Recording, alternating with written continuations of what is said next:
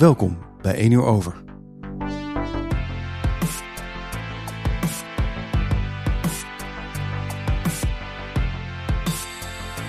Eén uur over is een podcast voor studenten, waarin er met deskundigen, ervaringsdeskundigen en studenten aan de Hogeschool Utrecht wordt gesproken over thema's waar studenten tegenaan lopen. Ons programma biedt houvast door experts aan het woord te laten en biedt ruimte om ervaringen met elkaar te delen. Het is een programma van Podium en het Student Support Center. Er wordt live opgenomen in de serre van de Botanische Tuinen in Utrecht.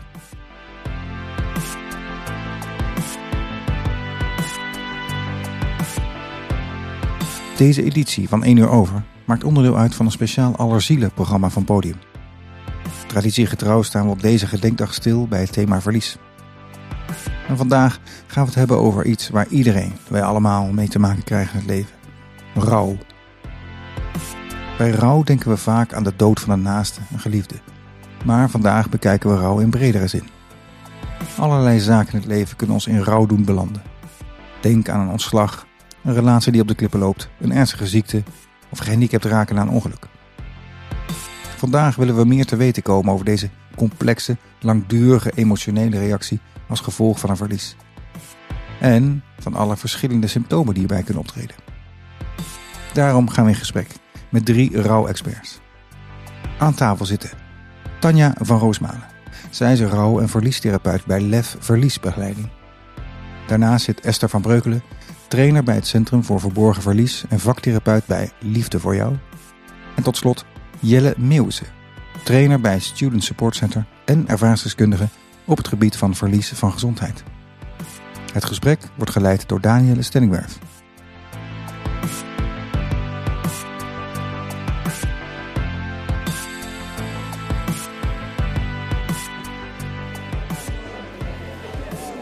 Welkom allemaal. Welkom in deze mooie ruimte van de Botanische Tuinen. Bij dit gesprek over rouw dat we vandaag gaan voeren. En ik heb hier drie mensen aan tafel zitten. En ik denk dat het goed is om te beginnen om even een klein voorstelrondje te doen. En wil ik beginnen bij jou, Tanja? Zou je willen aangeven wie je bent? En, ja. Ik ben uh, Tanja van Roosmalen. Ik ben rouw- en verliestherapeut voor kinderen, voor jongeren, jongvolwassenen en volwassenen. Dus eigenlijk de, alle leeftijden. Ik heb een eigen praktijk en ik ben daarnaast ook trainer uh, op het gebied van allerlei soorten verliezen. En wat heeft jou getrokken om uiteindelijk met rouw aan de gang te gaan? Ja, ik ben van huis uit eigenlijk orthopedagoog en ik was bezig met ontwikkelingsproblemen van kinderen. En ik werkte daarvoor in een academisch ziekenhuis. En ik, ik, wat mij trof was dat er uh, afdelingen vol lagen met hele heftige zieke kinderen en jongeren. En dat daar zoveel rouw eigenlijk bij hoorde, waar geen ruimte voor was. Dus ik merkte hoe eenzaam kinderen en jongeren daarbij waren, hoe eenzaam ouderen daarmee uh, waren, volwassenen. En um, ik ken die eenzaamheid die ken ik goed vanuit mijn puberteit. En toen voelde ik van, oh, hier wil ik iets mee doen. Want, want die eenzaamheid om met zo'n groot verlies om te gaan, ja, dat, dat maakt het moeilijk dragend. Dus ik, daar wilde ik me in gaan verdiepen. Dus dat is eigenlijk een beetje de motor geweest om dit vak in te gaan. Nou, een mooie, mooie motor. Ja. Ja, dankjewel. Um, en Jelle, um, jij bent ook ervaringsdeskundig. Zou je kunnen uitleggen wie jij bent? En, uh, ja. ja. klopt. Ik uh, nou, ben uh, medewerker en ben afgestudeerd social worker en medewerker bij het Student Support Center. Maar ook trainer van de training Veerkrachtig Rouwen samen met Lianne, die daar zit. Um, ja, en uh, ja, rouw, ik heb eigenlijk mijn hele leven te maken met rouw. Ik uh, ben 13 weken te vroeg geboren en door een medische fout uh, spastisch aan mijn benen. Dus ik heb nou ja, veel ervaring met hoe het is om te leven als je te maken hebt met een lijf wat niet optimaal werkt en doet wat je wil. En dat maakt eigenlijk dat ik nou, een jaar of acht geleden, ook samen met Tanja, mij toch in rouw en verlies ben gaan verdiepen. En uh, wat betekent dat nou en wat voor impact heeft dat nou op een, uh, op een leven? Dus uh, nou, in die zin ben ik me daar toen verder in gaan specialiseren. Ja, mooi, dankjewel. En Esther, ja, wie ben jij? Waarom zit jij hier aan tafel? Ja, mijn naam is Esther van Breukelen en ik werk als creatief therapeut en als rouwtherapeut. sinds kort in mijn eigen praktijk, Liefde voor Jou, heet mijn bedrijf. En dat is ook oprecht waar ik voor sta, dus echt zelfliefde en Ehm, verder dan alleen uh, met een dekentje op de bank en een reep chocola en thee en dan voor jezelf zorgen. Maar de echte diepte erin met, uh, hey, mag ik er zijn? Mag ik uh, mezelf liefhebben? Mag ik mezelf vergeven? Mag ik voelen? Um, dus daarin, um, ja, bewandel ik ook mijn eigen pad daarin. En vandaar dat dat helemaal kloppend is bij mij. En ook ben ik trainer voor het Centrum voor Verborgen Verlies. En daarbij kijken we dus ook naar rouw in breedste zin. Dus niet alleen bij overlijden, maar juist ook bij uh, ontslag of uh, nou, ziekte inderdaad. Hè, wat je zegt, um, als je met dingen te maken krijgt waarvan je voelt... Hey, hier, hier, hier is weerstand omdat er iets afvalt. Of, weet je, dat kan op zoveel vlakken zijn. En dat had al vrij vroeg mijn interesse. Um, ook het hele thema loslaten. Ik, ik denk dat ik nog nooit zo vaak de vraag heb gehoord, ook in mijn eigen praktijk, van hoe kan ik loslaten? Hoe kan ik weer verder? Hoe kan ik dingen die mij niet meer dienen uh, laten gaan? En uh, dat, is, dat thema herken ik ook heel erg. Dus zo ontstond ook mijn fascinatie voor rouw. Van hé, hey, um, wat houdt dat dan in en hoe ziet dat er dan uit? En dan voornamelijk in de breedste zin. En dat heeft mij heel erg uh, geholpen in mijn eigen, ja, op mijn eigen pad. Mooi. Ja, ja. dank. Ja. ja. nou volgens mij hebben we hier drie experts die onwijs veel weten over dit onderwerp. Um, gaat denk ik een heel warm gesprek worden, daar hoop ik op. Um, ja, en ik, ik, hoor jullie ook eigenlijk heel veel zeggen over wat rouw voor jullie is. Um, en ik hoor dat het verlies, ik hoor loslaten. Tanja, mag ik aan jou vragen, wat is voor jou rouw? Wat is dat überhaupt? Ja, rouw is natuurlijk altijd gekoppeld aan een ingrijpend verlies. En we denken heel vaak dat dat altijd gekoppeld is aan een verlies doordat je iemand verliest aan de dood. Maar het is veel breder dan dat. Er zijn ontzettend veel verliezen waar je, die zo ingrijpen in wie jij bent en in jouw leven, dat daar rouw bij hoort. we zeggen altijd, rouw is de achterkant van liefde of rouw is de achterkant van hechting. Daar waar je aan gehecht bent, aan iets of aan iemand, als je dat verliest, dan triggert dat vanzelf eigenlijk een rouwproces. En rouwen betekent dat je um, um, durft toe te laten wat de impact daarvan is op jouw leven, op wie jij bent. En tegelijkertijd gaat zoeken naar en hoe geef ik hier nu vorm aan, zodat ik het leven wel weer op kan pakken. En, en dat is de zoektocht die rouwen eigenlijk is. Daar staat ja. dus ook geen tijd voor. Mensen hebben daar echt lange tijd voor nodig om dat weer opnieuw uit te zoeken.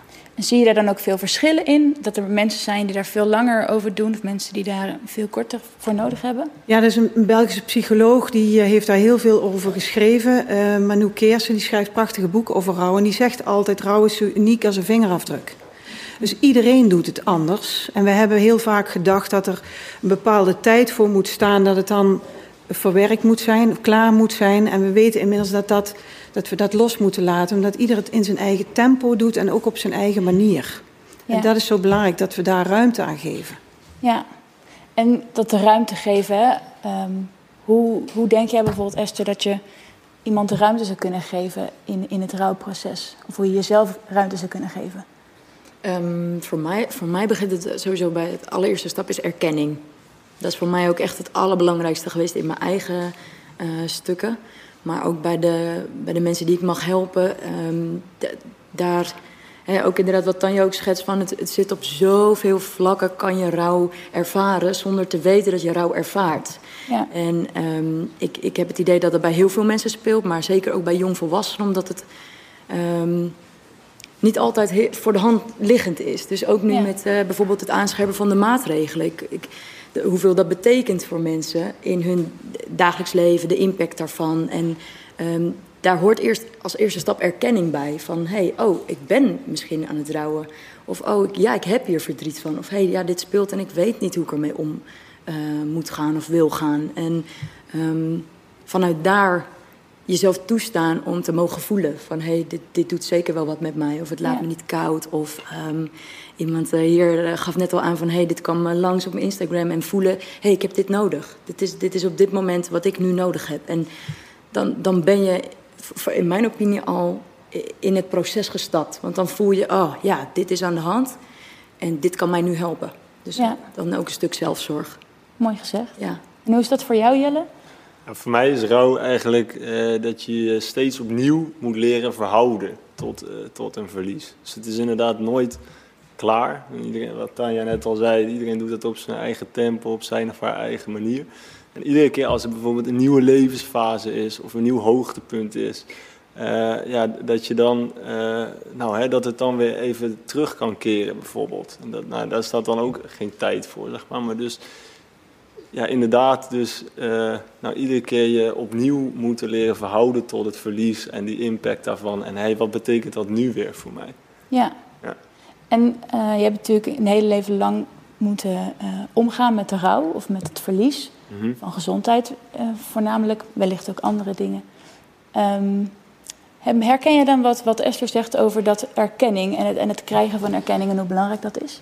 Absoluut. Ik, uh, ik denk dat nou, erkenning voor de impact, zoals jij zei Esther, dat, dat, dat, dat, de fund, dat je daarmee een fundering legt om uiteindelijk weer en uh, dat er dan uiteindelijk weer een stukje komt waar je je hopelijk aan kan optrekken. Ja. Dus dat op het moment dat je ja, eerst erkenning nou ja, leert geven aan die gevoelens, dat je daarna weer een, eh, een stapje kan, eh, kan zetten, hopelijk. Ja. ja.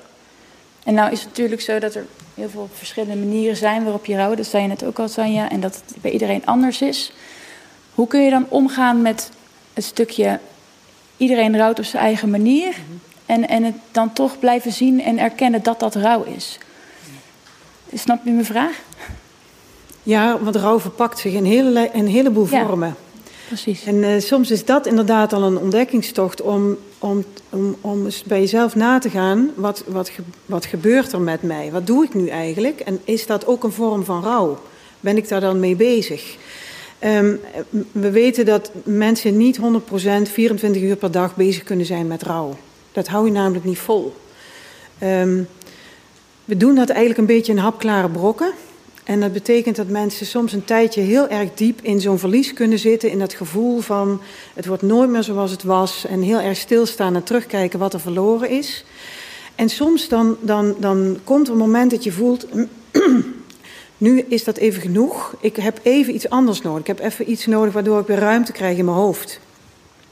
En dan weet je, dan, dan ga je naar buiten of je belt een vriendin of je gaat iets doen waardoor je je gedachten even kunt verzetten. En dan komt er daarna, kan er weer een moment komen waarin je er weer vol inschiet. en misschien ook wel juist heel erg uh, momenten hebt dat je ontzettend boos bent op de wereld. Het is niet altijd verdriet. Het verpakt zich in veel meer vormen dan dat. Het kan ook zijn het gevoel van, nou, wat ben ik nou eigenlijk aan het doen met mijn leven? Of ik zie die studie helemaal niet meer zitten. Dat kunnen allemaal uitingen zijn van dat er van binnen iets is wat aandacht van je vraagt. En we hadden het net over erkenning. En erkenning gaat in eerste instantie gaat in, in, in een bepaalde mate over erkenning krijgen van de buitenwereld. Van mensen om je heen die zien dat jij iets heftigs hebt meegemaakt. Maar het spannende zit er met name in het, in het stukje erkenning geven aan jezelf dat het is wat het is. Mijn praktijk heet LEF, LEF verliesbegeleiding. En daar, dat gaat hier voor mij heel erg over. Dat je ook het lef moet hebben om toe te geven van... oh ja, maar zo heftig is het dus voor mij. Ja. Zonder dat je daar dus meteen een oplossing in ziet. Of, een, of een, ja, ergens een opening ziet dat het beter gaat worden. Soms is het gewoon even wat het is. Het is gewoon even kut. En ja, en daar dan bij te blijven... dat vraagt best wel wat moed om dat te doen. Ja.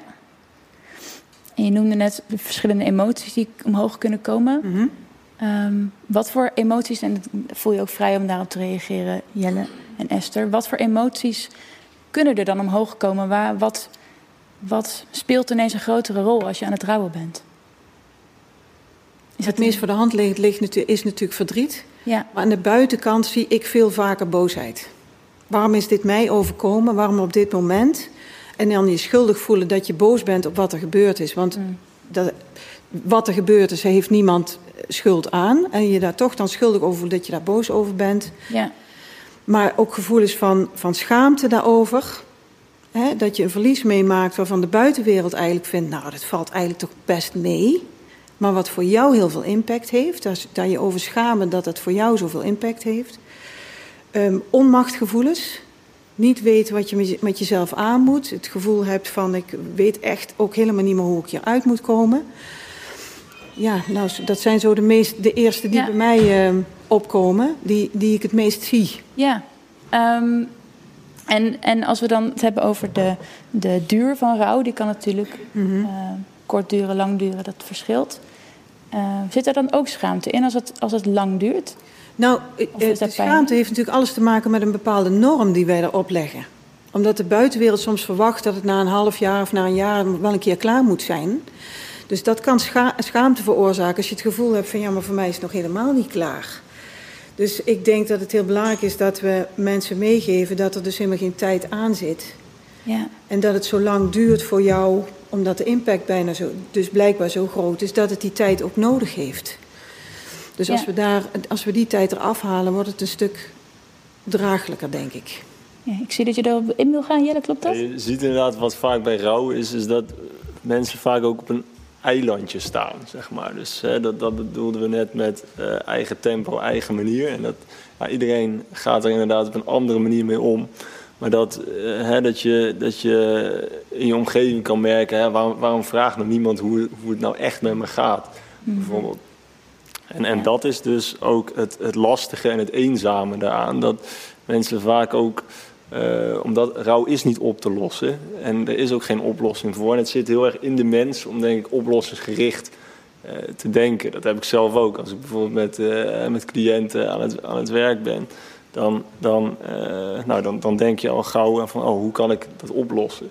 Terwijl dat met rouw, het kan al ontzettend helpend zijn als je daar gewoon bij blijft. En nou, gewoon eens vragen, hey, hoe gaat het nou echt? En dan is het, uh, nou, iedereen, iedereen moet het, je moet het zelf doen, maar niet alleen. Mm -hmm. Ja. Dat, dat is het vaak. En uh, rouw, dat, dat zorgt inderdaad ook voor gevoelens van onmacht, ook bij je omgeving, zeg maar. Vaak. Ja, want als het dan daarbij blijft van wat, wat, wat je als omgeving zou kunnen doen voor iemand die rouwt, of wat misschien mensen missen die rouwen uit hun omgeving, wat is dan wat jij wel eens nodig hebt gehad? Uh, wat, wat is voor jou prettig uh, leuke vraag, interessante vraag. Ja, dat, dat is toch inderdaad hè, dat iemand echt is van: hé hey joh, goh, hoe gaat het nou met je? Of, uh, nou ja, dat, ja. dat is zo, zo belangrijk. En dan kan ik ervoor kiezen hè, of, het, of, of, of, of het nu. Uh, dan kan je als rouwende ervoor kiezen: hey, ik wil het er nu over hebben. Of ik wil het er niet over hebben. Ja. Het verschil is, dan heb je het wel gevraagd. Ja. Dat, is, dat, dat, dat sla je dan hopelijk op. Dus, wat helpt, denk ik, is dat je dan uh, ook naar je omgeving toe is, uh, nou, aangeeft van... hé hey joh, ik, ik zit hier en hier mee. Ik, ik, zou het prettig vinden als je af en toe eens daarnaar vraagt. En dan kan het zijn dat ik daar helemaal geen zin in heb om daarover te praten. Maar als je dat ja. over een paar dagen nog eens probeert of een paar weken... maar dan, dan is je omgeving daar ook veel bewuster van. Dat je, dat je daarmee dat je daarmee mee om aan het gaan bent. Ja, het durven benoemen en het bespreekbaar ja, maken. Dat is, dat, dat, dat, is, uh, dat is het met rouw. Dat het ja, vaak heel spannend is voor mensen om dat aan te raken. Voor jezelf, maar ook, ook voor je omgeving. Zeg. Ja. Jezelf toestaan eigenlijk. Ja, ik weet niet of jullie daar nog iets op... Ja, voor mij is het vaak... Um, vaak komt de vraag dan omhoog van... oh, wat doe ik verkeerd? Of wat is er mis met mij? Of... Uh, uh, inderdaad, als we het ook hebben over de duur van oh, uh, letterlijke opmerkingen. Joh, ben je daar nou nog steeds mee bezig? Ehm, ik heb super vaak gehoord: joh, jij bent toch nog veel te jong om te rouwen. Wat heb jij nou voor verlies meegemaakt? serieus. En dat ik altijd dacht: hoe, kan, hoe kan je daar, hoe, hoe bestaat dit? Hoe, hoe kunnen mensen dit zeggen?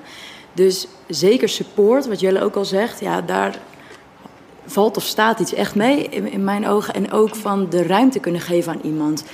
Oneindig, zeg maar onvoorwaardelijk ook. Niet, oh ja, je mag er twee weken over uh, sparren met me en daarna moet het wel een keer klaar zijn. Of, joh, wil je best twee keer uh, even helpen en laten uitroosten. Maar daarna heb ik ook geen zin meer in die zwaarte.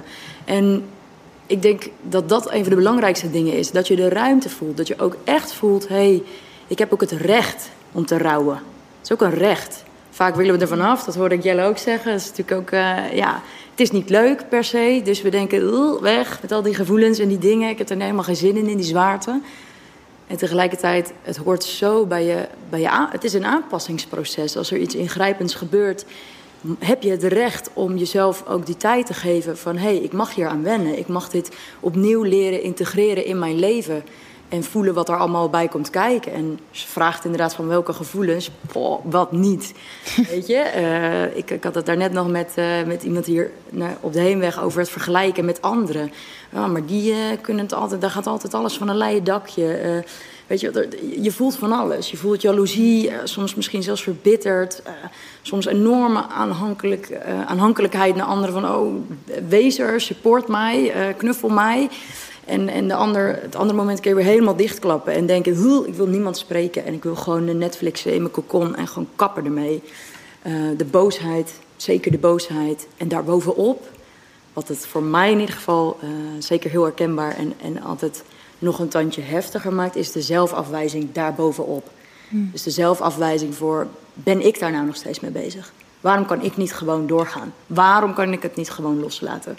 Uh, dus al die soort van zweepslagen op jezelf van uh, hoe, hoe, verkeerd je het doet. Terwijl je eigenlijk zo moedig, en als je het hebt over lef, zo krachtig in een proces zit.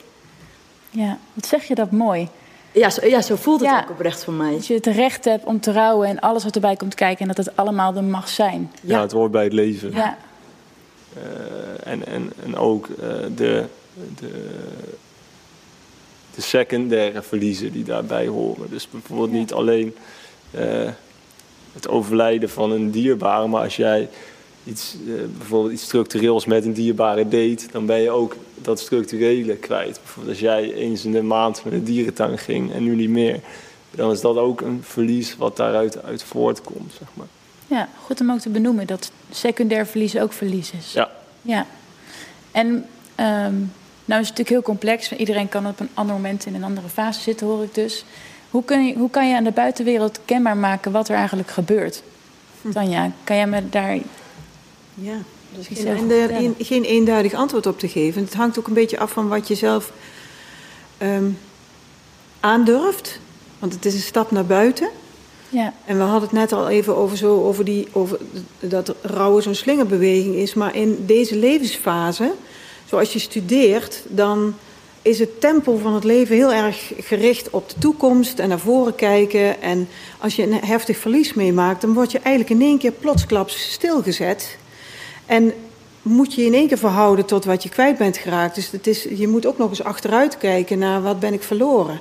Dan raak je ook een beetje het tempo en de aansluiting kwijt met je, met je omgeving, die in een heel andere manier ja, uh, het leven aan het leven is. En dan valt het ook niet mee om überhaupt dat, zeg maar, de impact van het verlies toe te laten. Dus heel vaak zie ik juist ook bij jongvolwassenen dat die een hele tijd in een overleefstand terechtkomen. En aan de buitenwereld eigenlijk de boodschap afgeven: uh, met mij is niks aan de hand. Uh, niet te veel vragen, laat mij vooral mijn ding doen. Want zo blijf ik op de been. Ja. En een tijd lang is dat een hele adequate strategie, want het houdt je letterlijk op de been.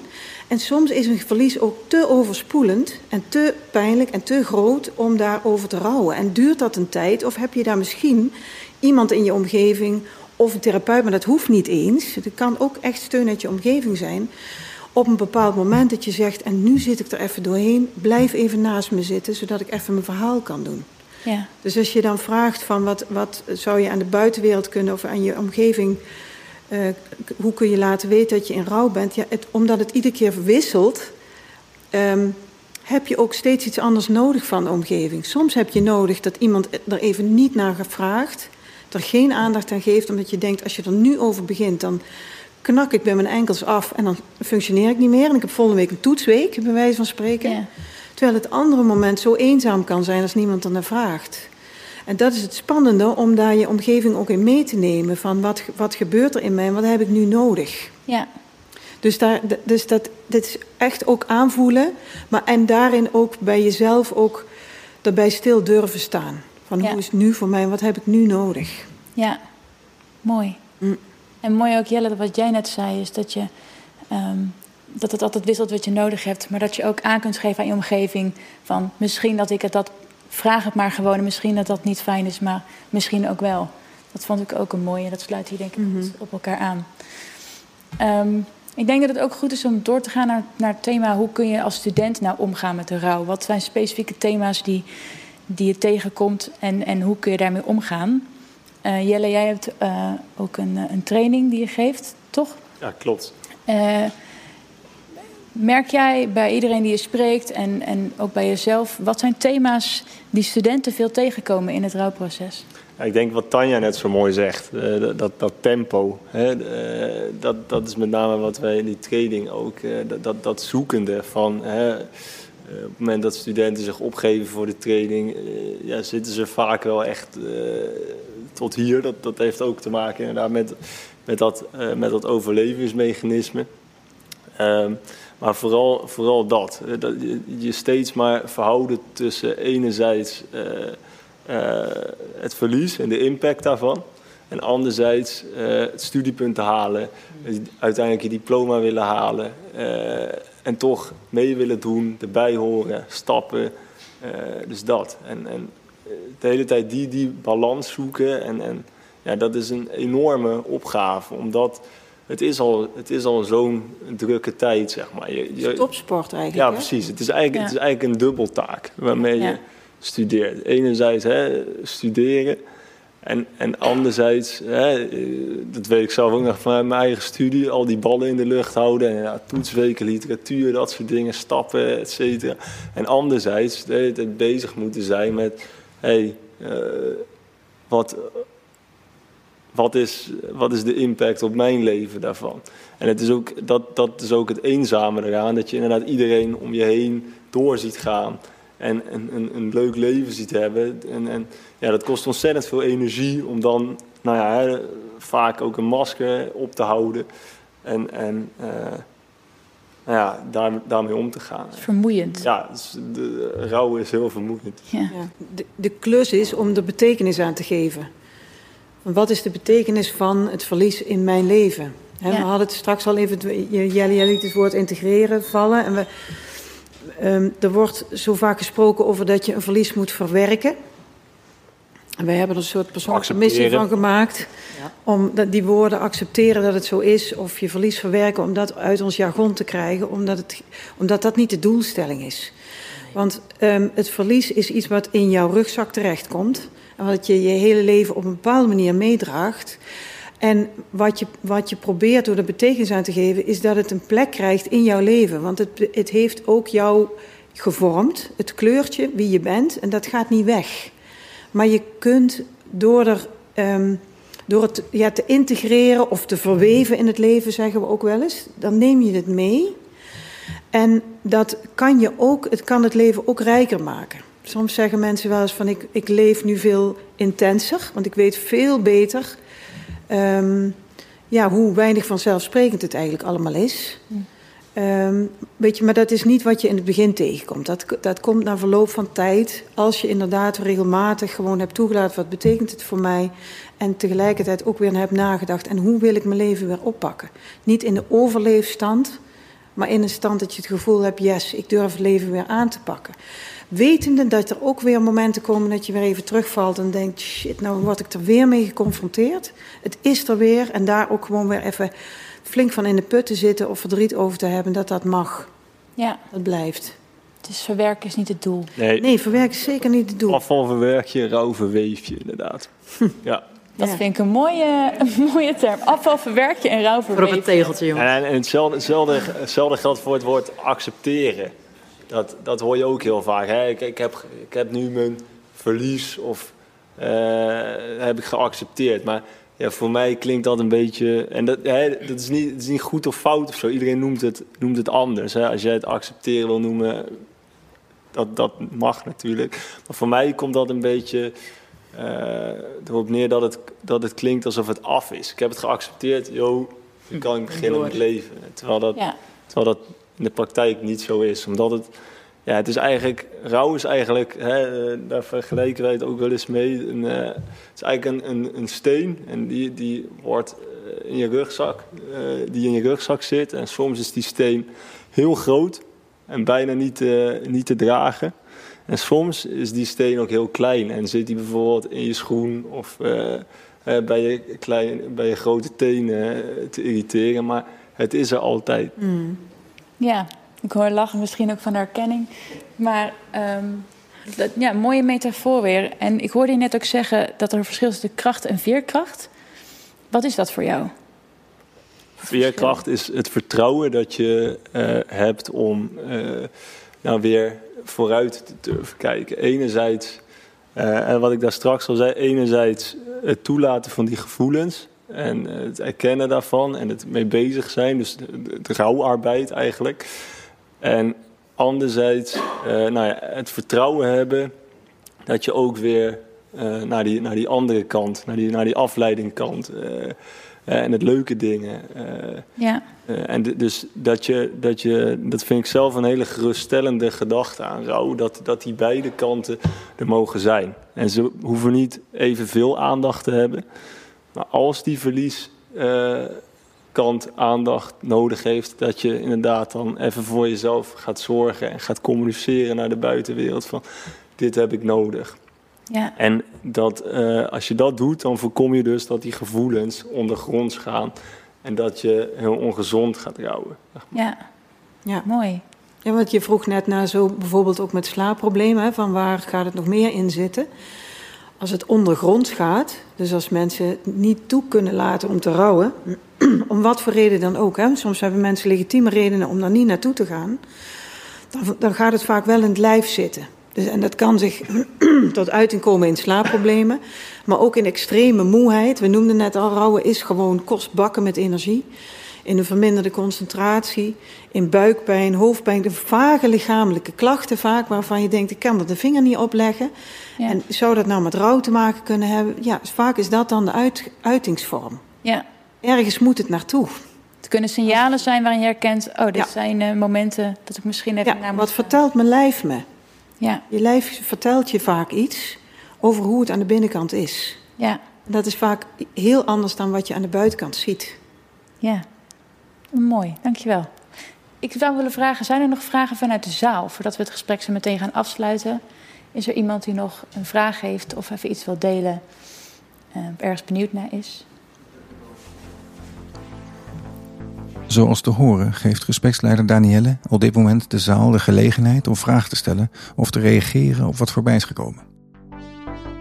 Vervolgens ontstond een zeer warm en open gesprek, waarbij verschillende mensen in de zaal een soms zeer persoonlijke en emotionele verhaal vertelden.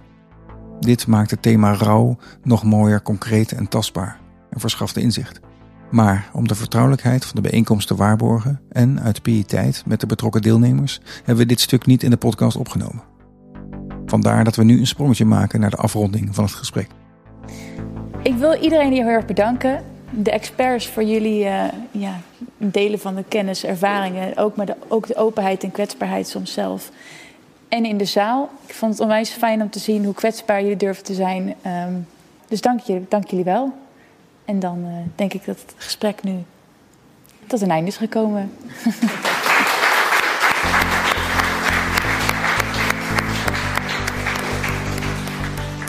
Dit was het dan. 1 uur over. Deze podcast is een productie van Podium, het cultureel studentenplatform van de Hogeschool Utrecht en het Student Support Center. Hou onze website in de gaten voor de volgende afleveringen en volg ons natuurlijk op onze socials. Live presentatie was in handen van Danielle Stenduwerf. Podcasttechniek Studio Bartolomé. Programmaproductie Sander Buitenhuis, Josien Oudemans en Loes Groenendijk.